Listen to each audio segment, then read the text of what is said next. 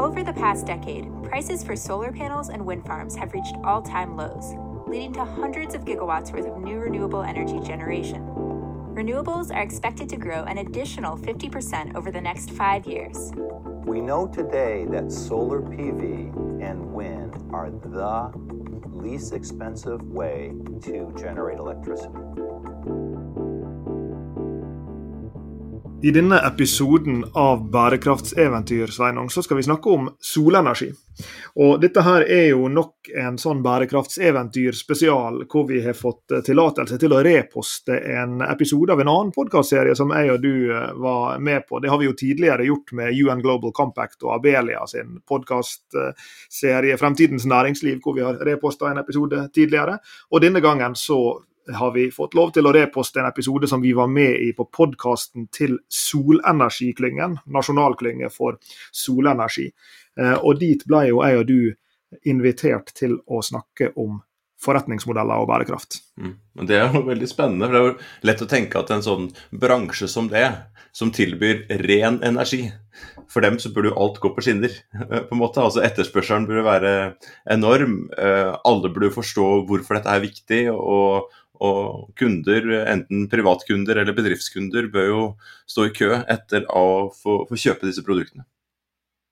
Og eh, det var jo nettopp disse typene spørsmål vi eh, da ble utfordra av eh, podkastverten Benjamin Myklebust Rød, som, som er, er, sjefen for Solenergiklyngen sin podkast, i denne samtalen, hvor vi snakker om, om, store og små virksomheter. Hvor vi snakker om teknologitunge virksomheter, hvor vi snakker om startups og, og, og mye annet. Og, og, felles for alle disse temaene vi dekker, da, er at de handler om eh, forretningsmodeller. Eh, og så vil den ivrige lytter eh, sikkert legge merke til at denne episoden som vi da har, eh, har, har klippet inn i vår egen serie her, avsluttes litt brått. og Det er fordi at vi valgte å klippe vekk en del av samtalen som handler om et executive-program som vi har utvikla for denne solenergiklyngen i regi av NHH Executive. og Det tenkte vi kanskje var litt mindre relevant for, for våre øvrige lyttere. Så, så, det forklarer det hvis du syns at denne episoden slutter litt brått. Og Med det er det vel bare å sette over da, Sveinung, til eh, Benjamin Rød og Solenergiklyngen, som eh, her følger i samtale med Jørgensen og Pedersen.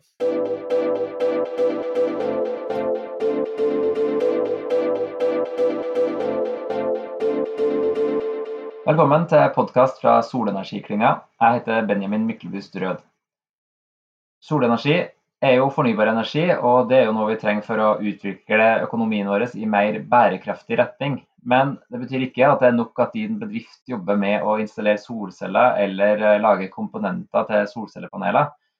Stadig mer vil både investorer og kunder og samfunnet for øvrig forvente at man velger bærekraftige løsninger og jobber systematisk med det. Og Vi har jo tidligere hatt med oss eh, Tina Saltvedt i podkasten, der vi snakka om EUs taksonomi og hvordan finansinstitusjonene skal bidra til grønn omstilling ved å systematisk investere i grønne selskaper. Så eh, hvordan kan vi sørge for at bedrifter innenfor solenergi blir oppfatta som grønn og bærekraftig med framtida framom seg? Eh, og For å snakke litt mer om det, så har jeg med meg to stykker som kan mye om det her, og som òg har en podkast, og som jeg òg har hatt Tina Saltvedt med som gjest. Eh, så, så der, eh, der, jeg hadde solenergi som bakteppe, så har de da bærekraftig business som rød tråd både i sin podkast og i sitt arbeid på NHH, Norges handelshøyskole, der de leder Center for Sustainable Business. Så velkommen Sveinung Jørgensen og Lars Jakob Tynes Pedersen. Tusen takk. Eh, jeg har jo invitert eh, dere fordi jeg tenker at det er interessant for folk i solenergibransjen hva dere driver på med. Men, men selvfølgelig òg eh, liksom, hvorfor det kan være relevant for, eh, for solenergi. Da. Men først må vi plassere dere litt, uh, litt mer. Eh, dere har jo nettstedet jørgensenpedersen.no. Uh, og, og, dere blir jo ofte nevnt i samme åndedrag, har jeg lagt merke til. Men, men sånn rent faktisk så er dere to forskjellige personer, har jeg lagt merke til. Foreløpig. ja, foreløpig. Så Vi kan jo starte med en liten introduksjon av dere, og vi kan jo begynne med deg, Lars Jakob. Ja, jeg tror vi, vi, vi introduserer oss vel best uh, slått sammen til én. Vi er jo uh, vi har jo samme bakgrunn. Vi, vi, studerte på NHH i gamle dager samtidig, men vi traff hverandre først etterpå, sånn i ordentlig forstand. Eh, og, og så har vi vel ikke sluppet taket etter det. Så vi, vi, driver jo forskning, som du er inne på. Vi er jo forskere og, og undervisere i, i i dagjobben vår på, på NHH, eh, hvor vi leder dette senteret. Og, og, og, det senteret har jo en enkel tagline som oppsummerer det vi driver med. og det At vi, vi eh, forsker på, eh, underviser i og, og formidler om eh, atferden, teknologiene og forretningsmodellene som skal til for å skape en bærekraftig fremtid. og Det oppsummerer vel eh, sånn greit målbildet vårt, men så er vi jo involvert Sveinung, på veldig mange andre fronter enn enn bare å være forskere, for vi har jo en hel del andre roller også i, i kontakt med næringslivet i inn- og utland. Absolutt. Vi sitter jo i flere styrer. Vi har startet egne, egne virksomheter og, og, rådgir små og store selskaper så, som ønsker å få til dette her. Og en ting er internt. Eh, vi jobber jo med mange selskaper vi som i utgangspunktet har en veldig sånn bærekraftig idé. Si noen som jobber med, med resirkulering f.eks. Men de er jo veldig avhengig av at kunder, enten det er privatkunder eller bedriftskunder, kjøper disse tjenestene og, og integrerer det i, i, sin virksomhet. Vi har jo flere prosjekter vi med, med, med bedrifter som, som, som, som, klør seg i huet og tenker liksom, hvordan kan vi bli mer bærekraftig. Og En av de tingene de kan lure på, er jo f.eks. hvordan er det de kan få grønnere energi da, eh, per i dag. Og Da kan jo sol være et løsning på det, men den matchen mellom liksom solklyngens medlemmer i dette tilfellet, og de bedriftene der, og de der ute, som burde trengt det, som kunne trengt det, men, men, hvordan gjøre det enklest mulig for både privatkunder og bedriftskunder i inn- og utland, små og store, da, til å ta de valgene. og Hvordan er det man da burde kommunisere dette her? Jeg har jo sittet og, og vært investor i, gjennom en stiftelse som jeg leder, eh, i, i et av Solklyngens medlemmer, i Bright Products, og sittet der i, i styret i nesten et tiår, fram til et, i, i, fjor omtrent, og vært med fra reisen til fra en, en, en idé om et produkt, en lampe, uh, som er drevet på solceller, og som kan, som kan uh, både lyse opp tilværelsen, men også lade opp mobiltelefon. Det å, å, gå derfra inn til å finne kunder, være i markedet, tenke dette som, som mange av, av, lytterne kanskje vet, så var jo FN en en stor kunde i mange år og tilpasset det, men etterpå, når, når, når, man får flere, mer konkurranse og man har lyst til å gå videre til andre aktører, hva slags type forretningsmodell skal man da uh, ha for å komme inn i Tanzania f.eks. på bakken til folk med begrenset økonomi, med et stort behov for, for dette her? altså en sånn enkeltkunde, men også større bedrifter i, i uh, også å komme inn og være en god partner for dem. Så det å jobbe med forretningsmodellen, ja, og på en måte redusere fotavtrykket mest mulig, ha resirkulerte produkter og gjøre gjøre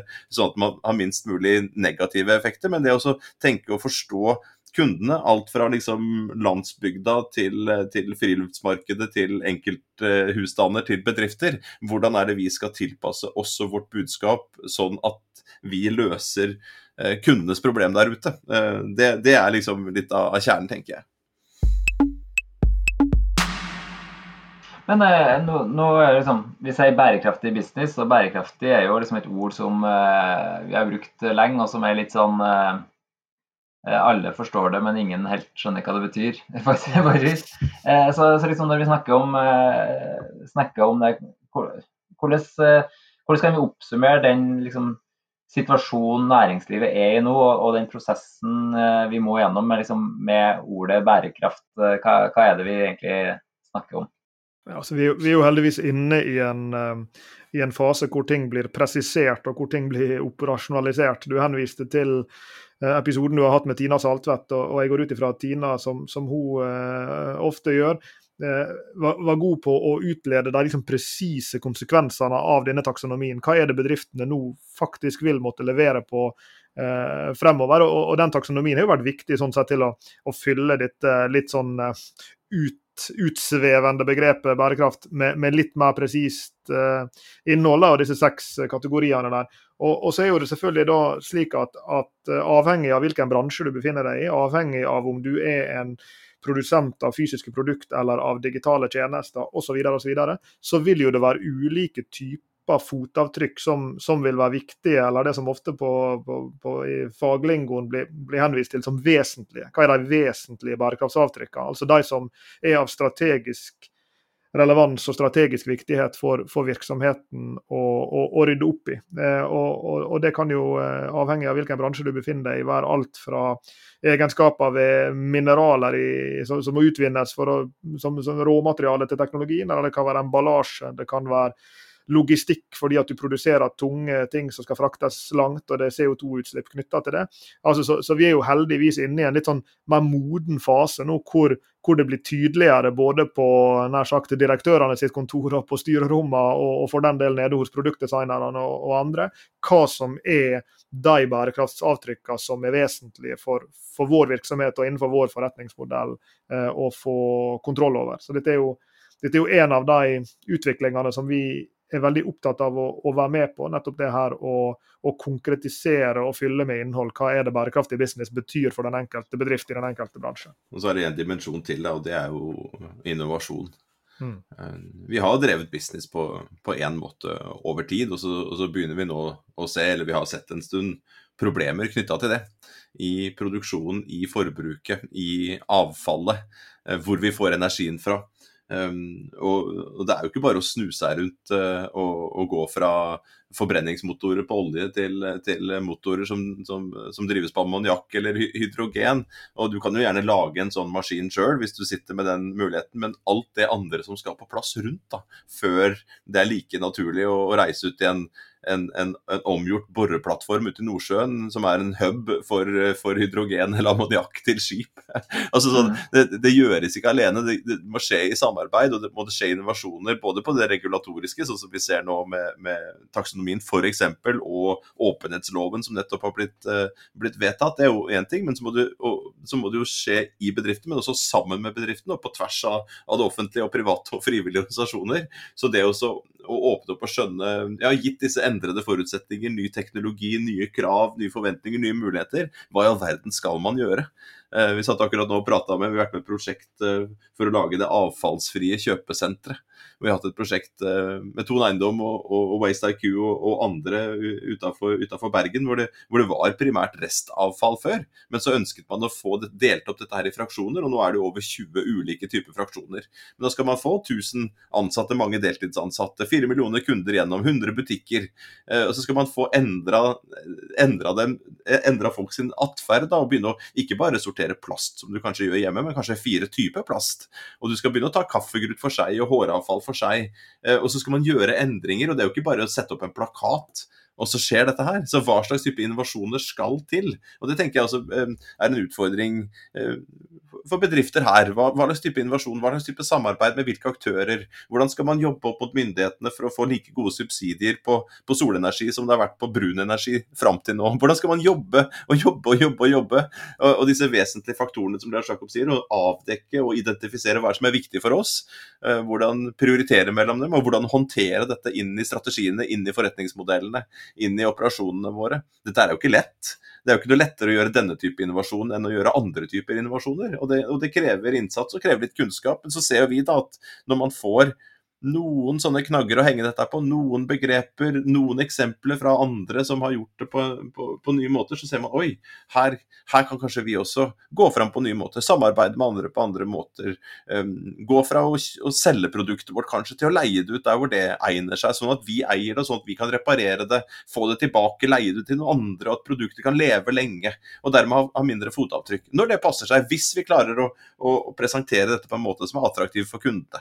Altså, det, det, så så, det også, å skjønne seg selv, skjønne omgivelsene, um, se på utfordringene, lete etter mulighetene og, og, på en måte tørre å gå inn i det mørke rommet og, og tenke at lysbryteren finnes der inne et sted. Vi vet ikke helt hvor, men her har vi i hvert fall et kart, og, og vi, vi, skjønner terrenget sånn noenlunde. Og vi har en idé om at hvis vi bare kommer oss bort dit, så, så kommer lyset. Uh, men, men det, det krever litt mot, og det krever litt kunnskap. Og det er jo det er ikke sånn at man liksom har én lysbryter for hele solenergibransjen. Det er jo veldig, eh, veldig altså Det er en veldig ulik eh, gjeng da, som bare har solenergi på et eller annet plass i forretningsmodellen sin. Og, og bærekraft er jo også mangt, om det er liksom arbeidsforhold i Kina eller gruvedrift en eller annen plass, eller eh, avfallet langt der fram. Men man tenker jo ofte på i Norge som solenergibransjen, dem som faktisk setter paneler på, på taket. Eh, og det er jo liksom lett å tenke at det er en ganske grønn og bærekraftig business. Man, man får det panelene, man, man, installerer noe som varer veldig lenge, og kanskje kjører man elektriske varebiler og liksom har gjort sin del. Men samtidig så er man jo en, man er liksom en sånn del av en veldig stor verdikjede.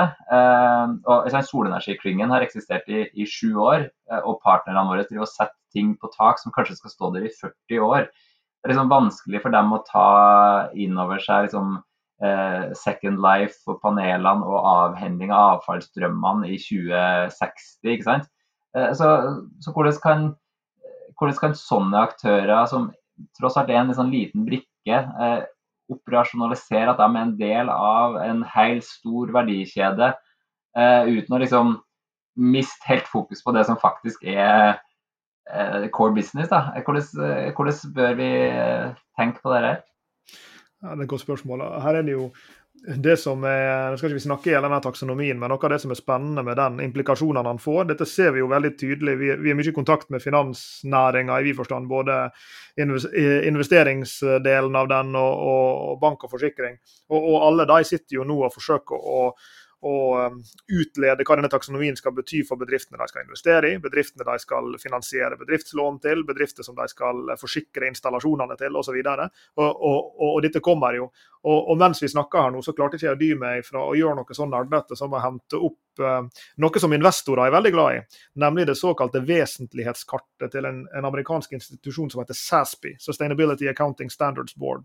Og Det som det egentlig er, et veikart for investorer til å si OK, så du skal investere i solenergibransjen, eller du skal investere i for den del bilbransjen eller kjøpesenterbransjen, spiller ingen rolle. Så kan du gå inn i det her kartet og så kan du hente ut OK, hva er det vi vet om hvilke bærekraftsavtrykk som har vært finansielt viktige for denne bransjen før.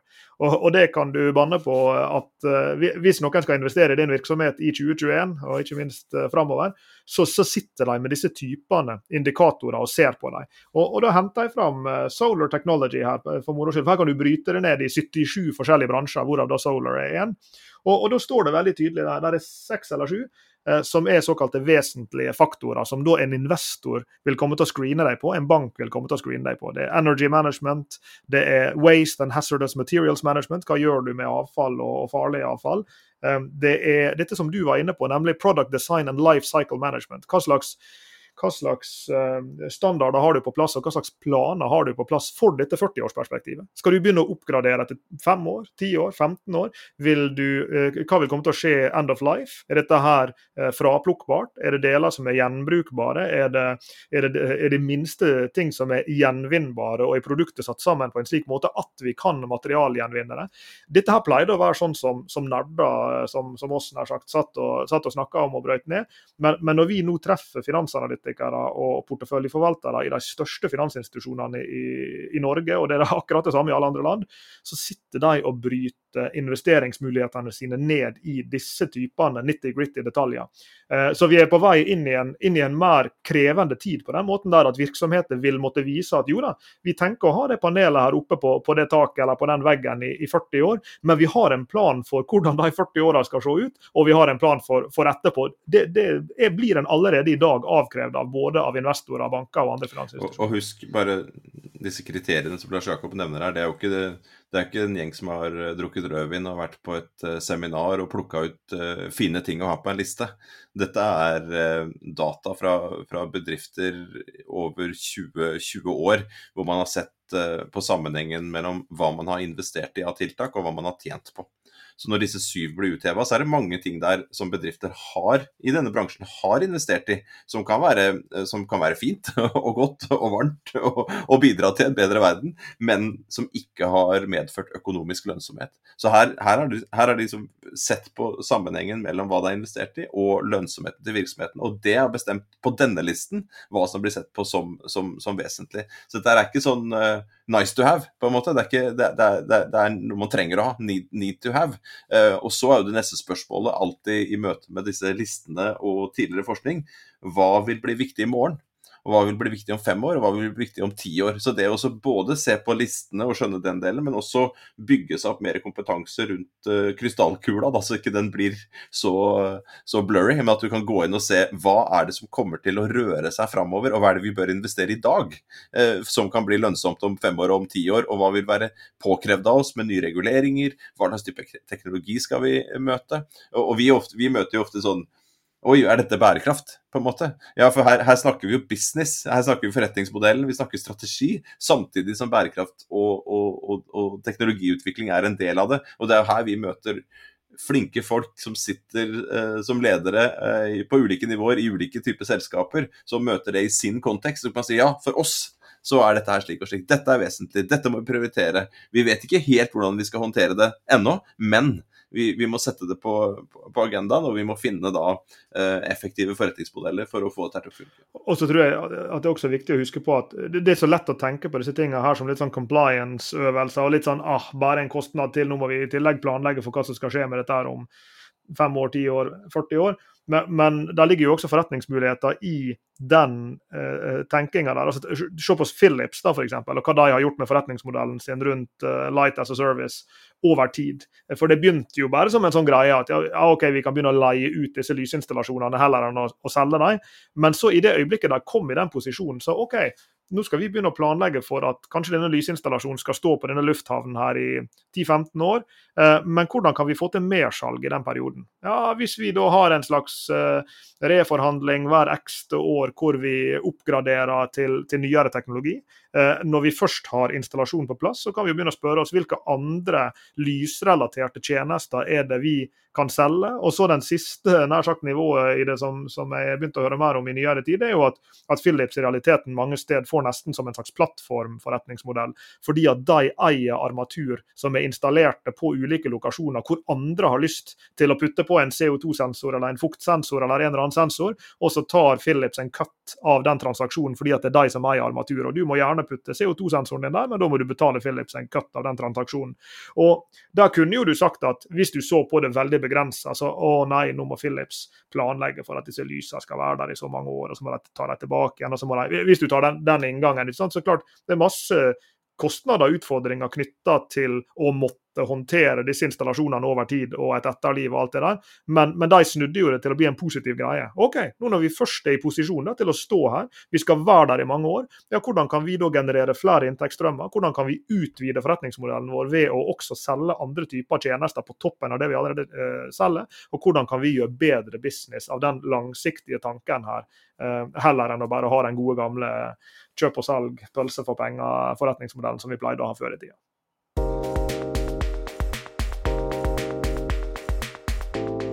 Men eh, dere har vel nevnt eh, Orkla tror jeg, et par ganger i, i podkasten deres, og, og, deres satsing på liksom, uh, emballasjefrie løsninger og, og sånn. Og, og, liksom De er jo et svært konsern som har masse ressurser til å kan sette av noen millioner kanskje til å prøve ut en løsning og sette noen folk på det og, og kjøre noen piloter, hente erfaringer. Men så har det jo en, rundt om i små og store byer i Norge så har de sånne små startups. Eh, gründere som har starta emballasjefrie butikker fordi de er kanskje litt sånn ideologisk eh, drevet, ikke sant? Men, men, som blir på en måte piloter, men, men der hele eksistensen til, til, til, bedriften er on the line, da kan du si. Um, og, og for, eh, for, i solenergibransjen så ligner vi nok eh, flesteparten mest på den lille gründeren. ikke sant?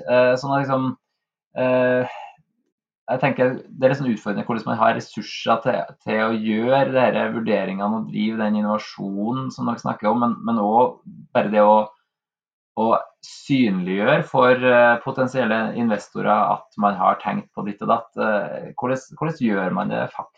Liksom? Jeg har lyst til å peke tilbake igjen til et eksempel som Sveinung ga i stad med det restavfallsfrie kjøpesenteret. fordi disse kjøpesentereierne det er store aktører. ikke sant? Eh, men det som ikke framkom så godt i, i inngangen til fortellinga til Sveinung, der, det var jo at hele den piloten ble til av en bitte liten tech-startup som heter Waste IQ, som, som, holder til her i Bergen, hvor jeg sitter. Um, på det tidspunktet hvor piloten begynte, så tror jeg de var tre ansatte, eller kanskje fire. Et par på kontrakt kanskje som programmerte litt. Og Det de gjør, er jo å lage en digital infrastruktur for å kunne fange opp hvilke typer avfallsstrømmer er hvor. Så de, de, har sensorikk, sånn IOT-type sensorikk og RFID og litt sånne liksom, hyllevareteknologier som, som, mater inn i en digital infrastruktur som de har laga, som på en måte er da kall det avfallstech, waste tech-systemet, som, som, kan fortelle deg at det er 340 gram PET-plast på lokasjon X klokka 11.59 på en tirsdag i mars. Mm. Eh, så, så, det som de gjør, er jo egentlig å lage den digitale infrastrukturen. Og det setter de i stand til å gå og si til, til da i dette tilfellet Tone Eiendom, som eier disse kjøpesentrene, og til Retura og Norsk Gjenvinning og sånne type gjenvinningsaktører, som er de som kommer med bilene sine og henter ut dette avfallet, at vi har den digitale infrastrukturen som skal til for at dere kan gjøre denne testen her som gjør at dere kan orkestrere disse 112 butikkene til å, å opptre i flokk og få til utsorteringer, og så kan den kjøres til dit som disse utsorterte avfallsstrømmene eh, ender opp. Så, så, i dette grønne skiftet som vi står midt oppi nå, så er det jo ikke minst et rom for nettopp disse altså Waste IQ på det tidspunktet de begynte, var jo bitte, bitte, bitte små. Men de har siden den gangen vokst veldig raskt og fikk nettopp 30 millioner fra Norselab eh, eh, som investor, nettopp fordi at de viser at de klarer å, å, komme med disse løsningene som disse aktørene ikke selv kunne levert. Det er ikke noen i ton Eiendom, og ikke til forkleinelse for dem, men det er ingen der som kan over natta bare bygge opp en digital infrastruktur med IOT-sensorikk og, og, RFID for å identifisere hvem som kaster hva hvor. Så her kommer det en liten tech-aktør inn og sier dette problemet kan vi løse for dere. Og når de kan løse den typen problem for slike aktører, ja da kan de, akkurat som Waste IQ eh, nå gjør, eh, vokse raskt. Bare det er et veldig godt spørsmål, Benjamin. Og oppstartsbedrifter har jo gjerne litt mindre ressurser, som du sier. ikke sant? Og, og jeg, jeg ville kanskje ikke brukt så veldig mye ressurser på denne type problematikk hvis de solgte veldig, veldig godt.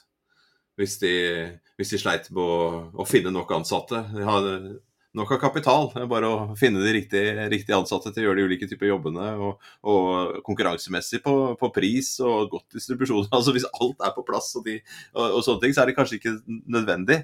Uh, men, men, selv en, en, liten aktør vil jo ha ofte uh, behov for innovasjon behov for eh, å selge mer og behov for å prøve å få kundenes penger fra kundens lomme over i, i sin egen lomme. Um, og, og, det har man jo til felles, liten eller stor. Og også i disse store virksomhetene så jobber det jo på å si, små folk som oss, da, som får en oppgave i det store og, og må nesten være litt sånn interne entreprenører og sier liksom, vet du hva, vi er nok en del av plastproblemet, vi. Uh, og Greit, jeg har fått en oppgave her, og, og vi skal prøve noe nytt. Eh, men, men, det er jo ikke sånn at det, sitter jo ikke millionene sitter jo ikke løst uh, i den første tiden uansett. Man må være litt sånn intern gründer i et, et stort selskap. Og, og, i de små selskapene, apropos Bright, da, som jeg nevnte her i sted, jeg kunne nevnt mange andre oppstartsselskaper jeg har da investert i gjennom en, en, en stiftelse som jeg leder, med enten vi produserer eh, uh, 3D-printa proteser eller en, en madrass som kan, kan, vende pasienter på natta sånn at de ikke får liggesår. eller Alle disse her er jo små, så må de ha en forretningsmodell. De trenger kunder, de trenger alliansepartnere, de trenger god teknologi. De trenger å vise at de, at de ikke, at de ikke påfører miljø og samfunn store utfordringer.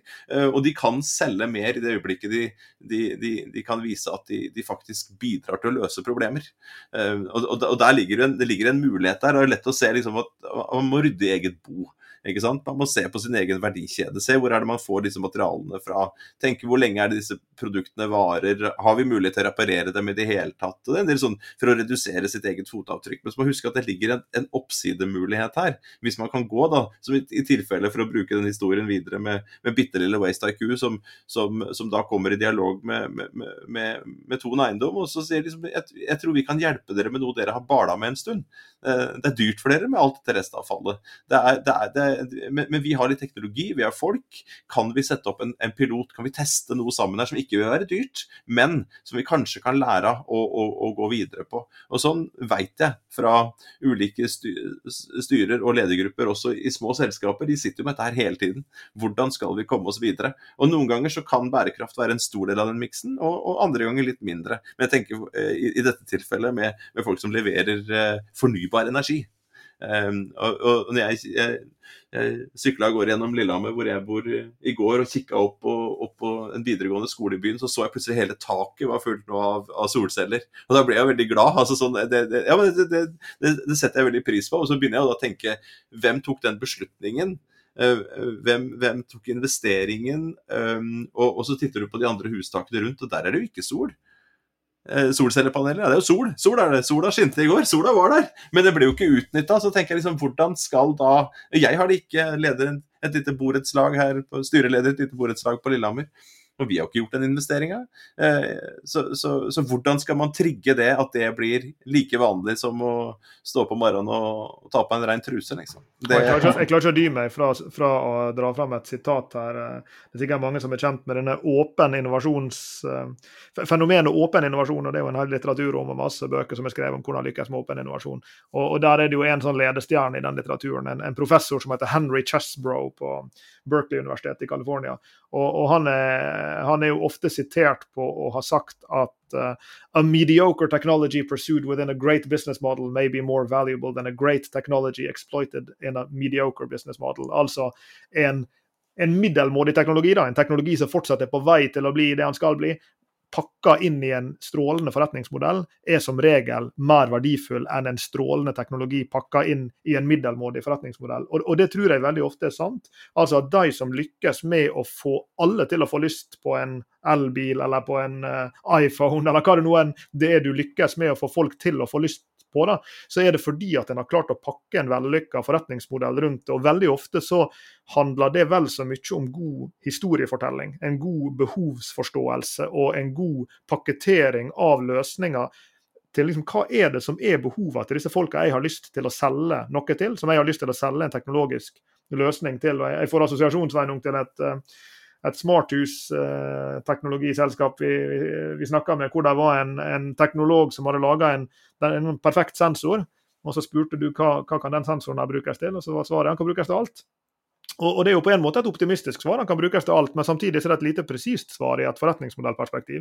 For spørsmålet er jo ja, hva slags tjenester kan jeg pakke rundt den sensoren som kan løse faktiske problemer for faktiske mennesker, som gjør at de tar tusenlapper opp av lommeboka si og gir dem til meg, fordi at de har lyst på den løsninga som jeg tilbyr. Og Det er jo det gode forretningsmodeller gjør, og det er det som gjør i Sveinung sitt bilde da, at de solcellepanelene da rulles ut på hus etter hus etter hus, enten det er business to business-marked eller det er business to consumer-marked ut på eneboligene i Lillehammer. Og så til slutt er det solcellepanel overalt. Ikke i Bergen, da?